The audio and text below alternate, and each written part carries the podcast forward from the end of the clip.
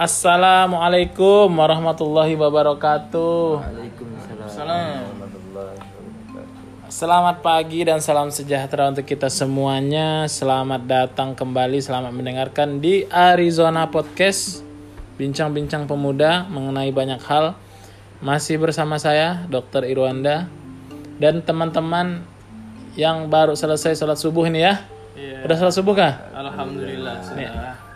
Ada Indra Setiawan, salah satu mahasiswa Visipol Untan ya, yang berasal dari daerah mana Indra?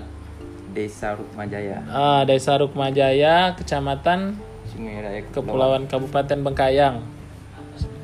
Nah Indra ini kita, sengaja kita datangkan, kita dengar curhatan pemuda mahasiswa selama wabah COVID-19 ini yang belum pulang kampung ya. Mm-mm. Nah, pulang kampung aja belum, apalagi mudik kan. Nah, tapi ada satu lagi abang kita yang kemarin udah bergabung juga di podcast kita sebelumnya. Tentang apa kemarinnya Bang Aris? Eh, apa ya? Bicara pembangunan daerah ya. Ah, iya, oh iya, Bang Aris ini selain dia sekretaris Ikatan Mahasiswa Pesisir, dia sudah sarjana ya, sarjana muda. Sekarang menggeluti dunia bisnis. Bisnis apa ya namanya Risa? Iya. eh, kalau fokus usahanya sih masih di bidang perdagangan ya. Perdagangan ya. Perdagangan. Perdagangan tapi dia tidak punya toko. Nah, ini kan unik ya, berdagang tanpa toko. Ya, kalau berdagang tanpa modal udah biasa ini, berdagang tanpa toko ini yang mungkin ini feature nanti. Masa depan dunia bisnis akan ke arah sana ya. Iya benar. Nah, nanti kita dengar deng- eh, dua orang ini. Sebenarnya ini antara Indra sama Aris saling kenal nggak? Kenal ya? Iya, kena. Oh, Kerap. akrab ya? Oh iya. Sedih. Jadi em, Indra ini kita mau bertanya nih Indra, kenapa masih memilih bertahan di kota Pontianak dalam suasana wabah pandemi, ini? tujuan utama sih karena ingin menyelesaikan kuliah itulah sedihnya mahasiswa tingkat akhir nih Oh Udah maksudnya menyelesaikan skripsi. Iya. Kuliah kan tidak ada lagi, udah dari beberapa bulan lalu. masih kuliah kampus masih buka Kuliah online gitu ya, konsultasi, konsultasinya yang enggak online tidak boleh online. dosen enggak semuanya dosen itu bisa pemain konsul Nah, melalui online, iya. Hmm. melalui email gitu ya. Jadi tetap harus tatap muka. Oh, ada juga ya masih dosen yang tidak mengerti begitu ya? iya ada. Ya wajar Bahkan lah. kita chat di red aja oh ini, oh, ini, ini curhat berarti ini bukan permasalahan dosennya tidak bisa konsultasi online, tetapi dosennya ingin konsultasi skripsinya atau tugas akhirnya itu tatap muka langsung gitu ya, Bang Indra ya. Hmm, sejauh mana nih udah progres skripsinya Bang Indra? udah hasil lah Oh sudah sidang proposal, sudah penelitian, tinggal sidang akhir. iya. Oh kalau di Visipol Untan itu berapa kali sidang itu, Bang Indra?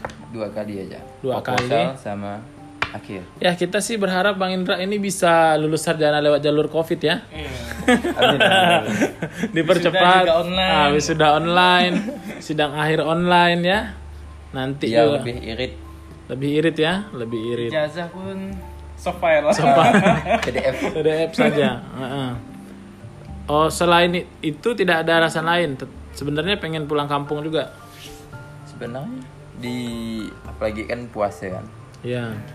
Pengen buka sama keluarga cuman memang momen di Pontianak bulan puasa emang seru Oh, kalau sebelum sebelumnya puasa sebelum sebelumnya tuh Sekarang kalau sekarang Jadi berubah ya. Setelah ada wabah yang biasanya Dapat. jadwal buka bersama full ya. Buka bersama di masjid. Sekarang udah tidak ada lagi. Iya. Buka bersama di masjid. Bang Indra merindukan suasana itu. pasti ya Buka bersama di masjid ya. Iya dulu kalau saya waktu mahasiswa juga saya langganan biasanya dibuka bersama di Al Azhar ya. Tadi Muhtadin gitu ya, Mujahidin juga sering ya. Nah, kita sekarang bertanya ke Bang Aris. Iya. Eh, Bang Aris ini kan kemarin kan sudah membahas tentang gimana kita membangun daerah. Nah, sekarang memilih untuk menggeluti ya dunia bisnis pengadaan barang-barang kebutuhan lah, kebutuhan rumah tangga ya. Yang sepertinya unik-unik juga ya. Apa barang terunik yang menurut Bang Aris pernah Bang Aris jual? Kalau barang terunik banyak sih, ya banyak karena memang eh, yang jarang ditemukan di sini ya barang-barangnya. Yang kita beli online itu ada apa penghilang debu dan bulu di baju. Jadi Iya. alatnya hanya Kecil. ya bentuknya roll. Ya. Listrik Itu sih. gitu. Eh, bukan listrik, Oh. hanya roll biasa. Jadi eh, alatnya itu kita jalankan Iya, gitu ya di baju di menghilangkan debu dan bulu di baju. Jadi dia vakum atau si menempel gitu? Menempel, Oh, tapi bisa dibersihkan. bagus juga tuh. Itu Ya, kan dan harganya juga murah. murah, hanya 3000 ya. Untuk orang-orang yang alergi debu Iya, bisa. itu sangat bagus ya. Jadi bajunya itu bisa terhindar dari debu. Bulu-bulu hewan peliharaan. Iya, rambut gitu-gitu ya. Ah, yang unik begini, sebenarnya yang saya perhatikan ini kan dunia eh, toko online ini kan udah lama, tapi sepertinya Bang Aris ini memfasilitasi orang untuk berbelanja di toko online, ya kan? Iya. Nah, tidak semua orang paham bagaimana Cara sih belanja. caranya belanja di toko online, cara bayarnya gimana, kemudian takut barangnya nggak datang atau barangnya nggak sesuai dengan gambar gitu ya. Iya. Nah, kan di toko online itu pasti sudah ada syarat dan ketentuannya, Hmm. tapi Bang Aris memfasilitasi kebutuhan orang-orang ini dengan Bang Aris yang beli di toko online Kalau menawarkan kembali. menawarkan kembali dan ibaratnya resiko barang itu berada di Iya, di saya. di saya. Bang Aris ya. Nah, tentu yang diharapkan dari situ marginnya ya. Iya, margin. Ya selisih harga dari modal awal yang Hmm. kita beli di marketplace ya. Ya. Marketplace itu juga eh, lumayan ya. Kalau saya pribadi di atas 100% gitu. Di atas 100%. Karena me- memang barang-barang itu murah-murah ya. Iya, sangat murah ya. Dan juga banyak ya cashback dan gratis ongkir ya Nah, yang diberlakukan oleh masing-masing toko online. ya, toko online ini sepertinya harganya belanjanya satuan, harganya grosiran gitu ya. Iya, benar. Nah, kan biasanya kalau harga murah seperti itu kan kita beli dalam jumlah yang banyak. Iya. Tapi ini kita bisa dapat harga murah, belinya boleh satuan Iya, ya. boleh satuan dan banyak cashback yang Banyak cashback, dapatkan. kemudian eh, promo gratis ongkir ini sangat sangat membantu ya. Iya. mm. Ini saya mau tanya sedikit nih, kan marketplace-nya kan yang toko online itu ada banyak ya di Indonesia, Iya. ada juga yang luar negeri kan, seperti Alibaba gitu-gitu, Iya, Rakuten gitu-gitu ya. Eh, Bang Aris seringnya belanja di mana?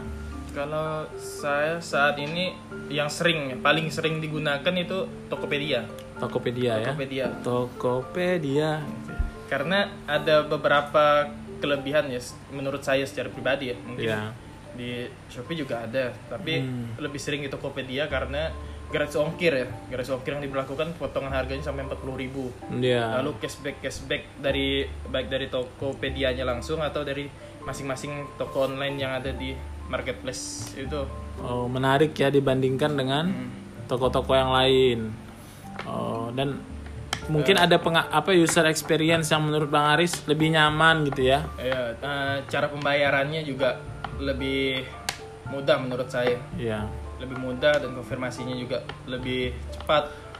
Di Tokopedia itu. Iya, di Tokopedia. Kalau Bang Aris lebih sering pembayaran melalui bank akun, ATM atau melalui eh, dompet-dompet yang ada misalnya seperti Dana, OVO gitu. Eh, dulu sih awal-awal seringnya bayar lewat Indomaret ya. Indomaret. Jadi bayar cash di Indomaret. Bayar cash di Indomaret. Itu kan juga ada biaya transaksi ya. Mm-mm. Tapi eh, sekarang sih lebih ke menggunakan OVO ya, karena Oh, ada biaya OVO. tambahan dan lebih cepat konfirmasi pembayarannya. Oke. Sehingga oh, kita bisa apa namanya eh, lebih mudah lah dalam proses transaksi dan pembayaran di Tokopedia menggunakan OVO ya. Hmm. Oke. Nah, kalau ini terakhir nih untuk di segmen bertanya mengenai ini di Bang Aris. Em, menurut Bang Aris, gimana masa depan bisnis ini? Kan kita kan pasti punya punya proyeksi ke depan. Oh, kira-kira bisnis ini akan bertahan dalam waktu yang cukup lama. Iya mungkin sebelum sebelumnya ya sebelum ada marketplace atau toko online kita bicaranya kalau belanja Hmm. ya langsung ya langsung ke datang ke tokonya kita cari barangnya tapi sekarang kan kita eh, udah semuanya via online ya Ya. via online cara pembayarannya juga online cuman resiko-resiko yang kita hadapi itu juga lebih banyak ya ketidaksesuaian barang dengan eh, gambar yang ditampilkan Ya. juga eh, resiko yang kita dapatkan kan kalau di pakaian sepatu dan lainnya tuh biasa masalahnya di ukuran dan bahan Ya. Eh, kalau ke depannya ini sangat memiliki peluang ya saya rasa ya Ya. saya rasa dan dari beberapa bulan ini yang saya lakukan ya juga selisih margin harganya juga masih cukup tinggi ya Ya.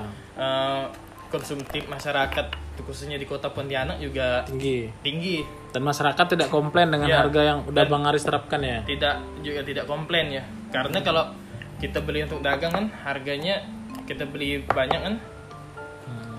bisa kalau mau dapat gratis ongkir harus transaksinya di atas 50.000 ribu Hmm. jadi kalau kita beli banyak jelas eh, di atas itu ya Iya. kalau orang-orang beli kan hanya untuk satu dua barang itu Malas nah, orangnya. jadi kena ongkir kan jadi harganya kalau dihitung-hitung memang lebih mahal Nah, kalau Bang Aris kan enggak punya enggak punya eh, nggak punya enggak tokoh di Tokopedia? punya punya Punya juga. Punya juga. Oh, selain itu untuk memasarkan di Kota Pontianak ini melalui marketplace ya, apa? marketplace Facebook ya Oh, Facebook. marketplace Nah, Facebook itu ya juga sangat mudah ya kita menawarkan barang juga di grup-grup itu biasanya otomatis ya pen- penggunanya juga banyak ya, peng- Facebook ya. penggunanya juga banyak dan berdasarkan jarak Apakah ada ini eh, tantangan tersendiri selama wabah Covid-19 ini? Misalnya barang barangnya itu delay datangnya. iya ah, yang jadi kendala saat ini memang delay ya Ya. delay pengiriman barang yang biasa dua hari sampai tiga hari paling lama udah datang sekarang bisa satu minggu sampai bahkan ada yang lebih dari satu minggu Ya. Oke, sekarang kita pindah ke Bang Indra lagi. Bang Indra, bagaimana Bang Indra strateginya bertahan di masa-masa pandemi ini di Kota Pontianak? Ini kan Kota Pontianak sudah ditetapkan sebagai daerah transmisi lokal, zona merah ya. Iya. Bagaimana strategi bertahannya di sini? Gampang aja ya. Kita selalu bersyukur dengan yang ada. Selalu bersyukur.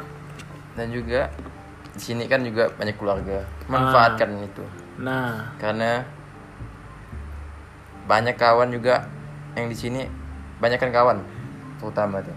ya. Karena setiap banyak kawan banyaklah rezeki. banyak yang bantu kita ya. Nah, ada juga keluarga gitu ya.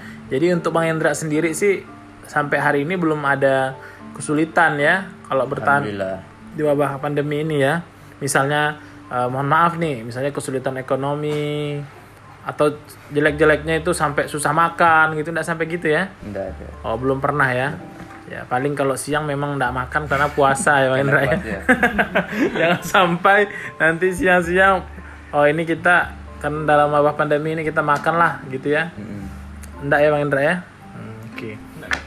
Nah, kalau boleh saya tahu Bang Indra eh, bagaimana penelitiannya di skripsinya di Visipol Untan itu tentang apa? Tentang dampak pembangunan perusahaan di desa saya. Oh, perusahaan apa itu? Perusahaan sawit. Oh, PT BT. Tit, gitu ya. oh, dampak apanya? Ekonomi, sosial, Sosial lingkungan, sosial ekonomi. Ya, kalau kalau yang diteliti dampak sosial ekonomi tanpa diteliti saja sepertinya ya itu terjadi dampak peningkatan sosial ekonomi. Nah, Nah, menurut saya ya karena itu pembukaan lapangan kerja ya. Nah, itu sih sangat membantu masyarakat. membantu masyarakat benar-benar udah selesai ya penelitiannya ya boleh dikasih bocoran enggak kesimpulannya apa Kesimpulan belum dibuka. oh belum dibuat Eh, cuman penutup sudah dibuat Kesimpulannya belum. Kata pengantar sudah dibuat Bang Indra?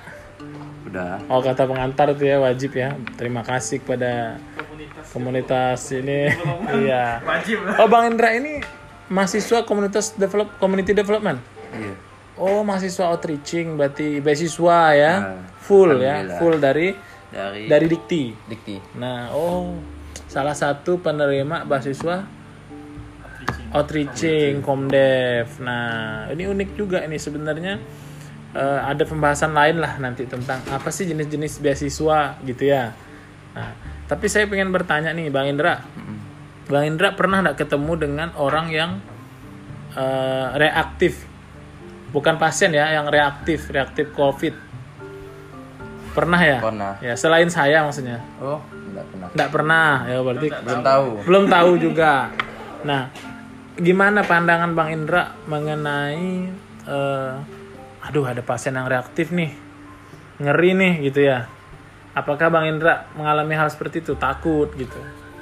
Kalau takut itu sih ada, pasti ada. Cuman bagaimana kita nanggapnya gitu. Ya. Tidak perlu cemas, tidak perlu khawatir. Ya. Yang perlu kita jaga tuh kesehatan kita. Kesehatan kita Imun. sendiri, imunitas Imun, kita. Ya. Makan vitamin yang teratur. Ya. Atau herbal-herbal. Nah, gitu. Bang Indra juga sepertinya konsumsi vitamin herbal ya. Iya, Nah, iya. salah satunya. Salah satunya. Iya, tit ya. Nanti kalau sudah ada sponsornya baru kita sebutkan semua. Nah, Oke, saya mau bertanya ke Bang Aris lagi. Ini kan Bang Aris kalau misalnya ada pelanggan beli satu barang, Iya. itu kan langsung di delivery langsung ya kan? Iya, diantar lah. Diantar karena proses COD-nya orang tuh pengen lihat barangnya langsung Iya. gitu ya. Gimana tantangannya ini kan kita selama corona kan disuruh kita jaga jarak. Kita kan nggak tahu orang yang kita temui gimana dan orang juga nggak tahu dia ketemu kita ini bebas corona nggak? Iya, benar. Iya, kita terapkan aturan yang sudah ditetapkan pemerintah ya. Kalau ke keluar rumah kita menggunakan masker ya, baik masker medis. Kalau susah didapatkan ya kita gunakan masker Masker masker kain, ya. Dan kebanyakan pelanggan eh, customer ya, customer saya itu rata-rata ya kalau karena transaksinya di luar rumah ya biasanya Di pagar di gitu pagar ya. ya Hmm. transaksinya di pagar ya mereka keluar pun juga menggunakan masker Iya, mereka juga menjaga Iya, lah ya, iya. mencegah ya. dan sepertinya yang lebih hati-hati mereka ya Iya, karena mereka nggak tahu kita Iya, ini kan gitu. sebagai orang asing ya kan. Ah, benar benar biasa juga kita menggunakan jasa kurir ya Ya, jasa kurir ya pilihan ya kesepakatan dengan dengan ah, pembelinya. dengan pembeli Ya, karena kalau misalnya ada jasa itu kan ada penambahan lagi biaya Iya, ya. penambahan biaya Eh, itu ya sih kalau habis ngantar biasa ya cuci tangan dan segala macamnya Iya. pakai hand sanitizer ya Iya.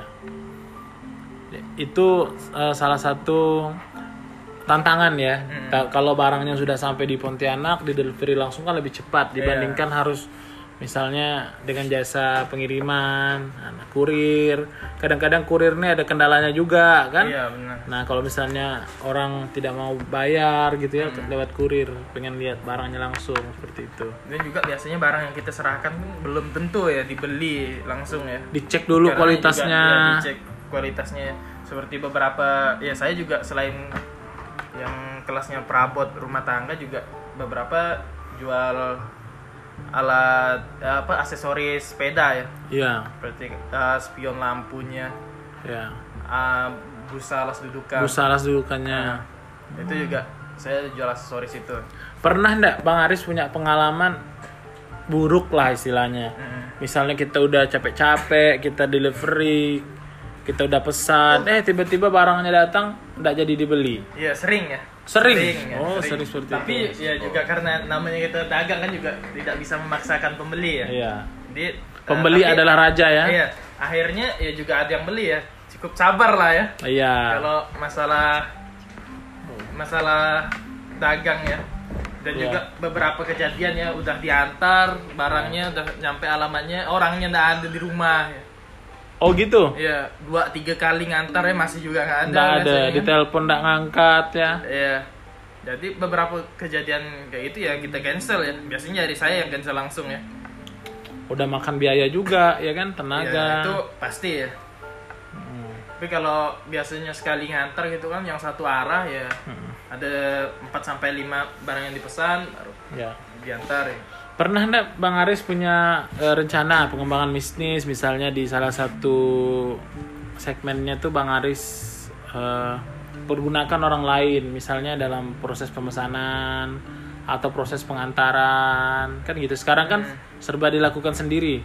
Ya, nah, ke depannya sih itu pasti ya. Tapi karena kita juga menyesuaikan ya, kalau ordernya memang lebih banyak nanti ya, kita juga eh, akan menyiapkan ya tempat untuk dropship barang ya. Dropship ya. Nah, jadi kita beli hanya ya lebih teratur lah ya tempat peletakannya di mana nanti barangnya Ya. untuk nampung barang dan pengantaran ya kita juga eh, ke depannya nggak mungkin hanya saya sendiri ya yang itu. Ya, saya memang saya pengen bertanya, saya ada sebenarnya salah satu eh, contoh apa namanya ya? Eh, seperti dropship gitu, tapi dia udah sekolah besar. Nah, pernah nggak Bang Indra belanja di CV Arli Singkawang? Pernah. Alhamdulillah sering. Sering belanja di CV Arli. Nah, itu kan di sana banyak sekali apa yang kita butuhkan ada ya nggak? Iya. Dan juga Harganya murah. harganya terjangkau. terjangkau. Nah, sebenarnya apa yang disampaikan sama Bang Haris ini mirip-mirip miniatur SCP Arli, benar nggak? Benar. Iya kan? Harganya murah, segala macam barang dan jasanya ada di sana, Pelayanannya. pelayanannya juga baik ya. Nah, apakah eh, Bang Indra ini pernah bertransaksi dengan Bang Haris? Misalnya dalam membeli barang tertentu, Ada. pernah ya? Pernah. Apa itu barangnya? Masker. Beli masker, oh gitu ya. Beli masker Kebutuhan. dari kebutuhannya selama Pandemi. pandemi ini. Oke, masker apa kalau boleh tahu? Masker kain, Masker kain. masker kain. Yang berapa lapis itu, Bang Indra? Oh ini sih. Dua lapis ya? Ya. Oke. Eh, kalau boleh tahu ini kan sekarang di, di- apa namanya semangat entrepreneurship ini kan mulai digelorakan gitu. Apakah Bang Indra juga sebagai mahasiswa gitu kan pernah melakukan ini upaya-upaya untuk wirausaha gitu, dagang gitu. Iya. Kalau soal itu sih sering kita lakukan. Bang Indra juga? Ah. Apa itu contohnya barang-barangnya? Jual beli HP. Oh, jadi jual beli HP, alat-alat elektronik. Ya. Nggak kita beli HP second, Iya. kita jual lagi ambil untung 50 blue kan. Blue car ya. Iya. Reseller HP. Jadi Bang Indra ini sama sekali HP-nya itu tidak di apa ya? Tidak dinaikkan kualitasnya misalnya di servis. Itu benar-benar cuman beli HP, Kita beli HP tawarkan yang lagi. bagus, nah, kita tawarkan lagi. Jadi kita kita nego rendah-rendahnya dengan Ah. penjual, Jual lagi. setinggi-tingginya. Ah. Oh, mantap juga Bang Indra ini. Dari tahun berapa menggeluti usaha itu Bang Indra? Dari tahun 2017. Udah dua tahun. Hmm. Oh, luar biasa. Di mana biasanya paling banyak ketemu dengan penjual-penjual HP itu? Di Facebook. Marketplace juga. Iya, market- Itu dengan pembeli langsung ya, bukan dari toko ya. Iya, pembeli yang ingin menjual terdesak. Biasanya kan ada tuh. Pengen Kalau cepat ya. Butuh uang dijualnya, kita cek lah barangnya tuh. Kalau kualitasnya bagus, kita ambil. Bi- Di mana biasanya Bang Indra mengecek apa ya? Pasaran harga gitu. Misalnya HP jenis ini, pasaran harganya berapa sih second gitu. Mm-mm. Biar Bang Indra tidak terlalu mahal belinya itu di mana biasanya? Kita lihat lah penjualan di Facebook tuh berapa. Biasa pasaran HP ini berapa, HP Iya. itu berapa. Kita cek. Bu- Kalau sesuai dengan harga itu kita ambil. Oh, itu mak survei survei harga pasarnya begitu caranya Iya. ya. Hmm, jadi dicek di marketplace juga pasarannya berapa, nanti dijual lagi di marketplace juga. Iya. Unik juga ya. Jadi sekarang ini kita ini asal punya kemauan entrepreneurship kalau mau kita asah tuh gampang ya. Iya.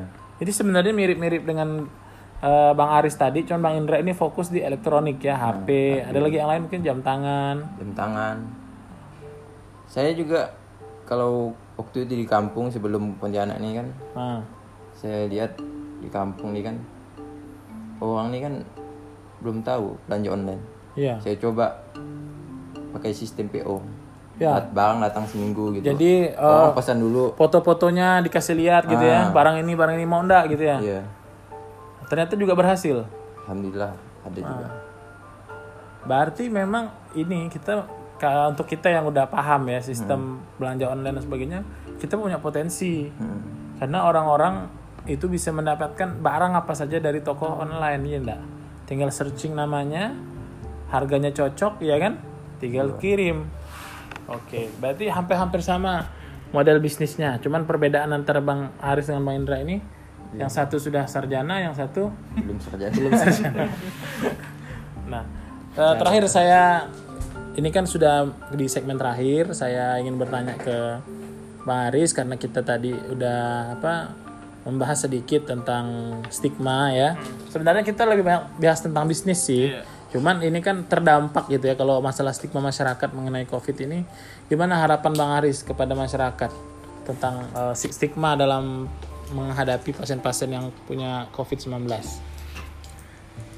Iya bicara stigma ini ya plik ya masing-masing orang jelas ya stigmanya tuh berbeda ya. Baik ya dasarnya pun pasti berbeda juga ya baik latar belakang pendidikannya eh, kebutuhan. Rata-rata yang memberikan stigma negatif itu bukan orang yang tidak berpendidikan ya. Ya, justru orang yang justru berpendidikan. orang yang berpendidikan.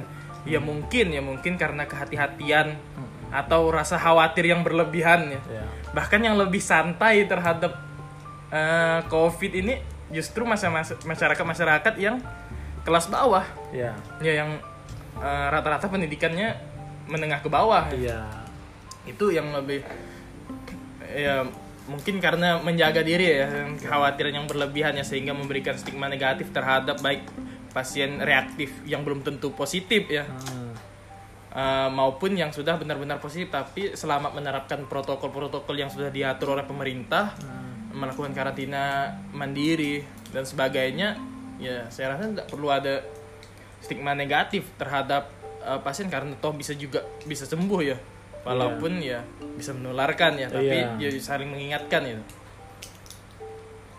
Oke, kalau Bang Indra sendiri gimana pandangannya terhadap stigma masyarakat atau Bang Indra punya eh, pengalaman gitu? Oh, dikira pasien corona nih Bang Indra pakai masker terus kan? Iya sih, kalau saya sih sependapat dengan Bang Haris. Hmm. Cuman kita saya ngasih saran ya kepada masyarakat supaya tetap jaga jarak walaupun di lingkungan keluarga untuk memutus rantai penularan. Semoga pandemi ini cepat berlalu. Amin. Amin. Ya, terima kasih eh, Bang Indra dan Bang Aris ya atas waktu waktunya di subuh ini. Em, kita berharap teman-teman bisnisnya bisa berkembang ya. Eh, terus mengasah jiwa kewirausahaan karena kita tidak tahu kita nanti suksesnya itu di usaha bidang apa gitu. Yang per- kita perlukan sekarang adalah bagaimana mengasah mental bisnis. Di situ kan terjadi proses penggemblengan sebenarnya. Nah, teman-teman pasti punya pengalaman yang bagus, yang buruk, ada apresiasi, ada kritikan gitu ya. Dan ada pengalaman eh, bagaimana kita mengambil resiko. Nah, sama halnya terhadap kita em, menghadapi kasus pandemi ini, kita jangan kita harus pintar-pintar ya. Pintar-pintar cari peluang ya selama kasus pandemi ini jangan sampai kasus pandemi ini malah membuat kita semakin terpuruk gitu ya. Nah, ini ini teman-teman nih semangatnya untuk melakukan perubahan model bisnis nih ini saya saya sangat mengapresiasi itu gitu. Ya, terima kasih atas bincang-bincang paginya mengenai bisnis, model bisnis baru ya dan tentang membahas stigma pada pandemi Covid-19 ini. Sampai ketemu lagi di Arizona Podcast berikutnya. Jangan bosan-bosan ya untuk cek di channel kita. Terima kasih. Assalamualaikum warahmatullahi wabarakatuh.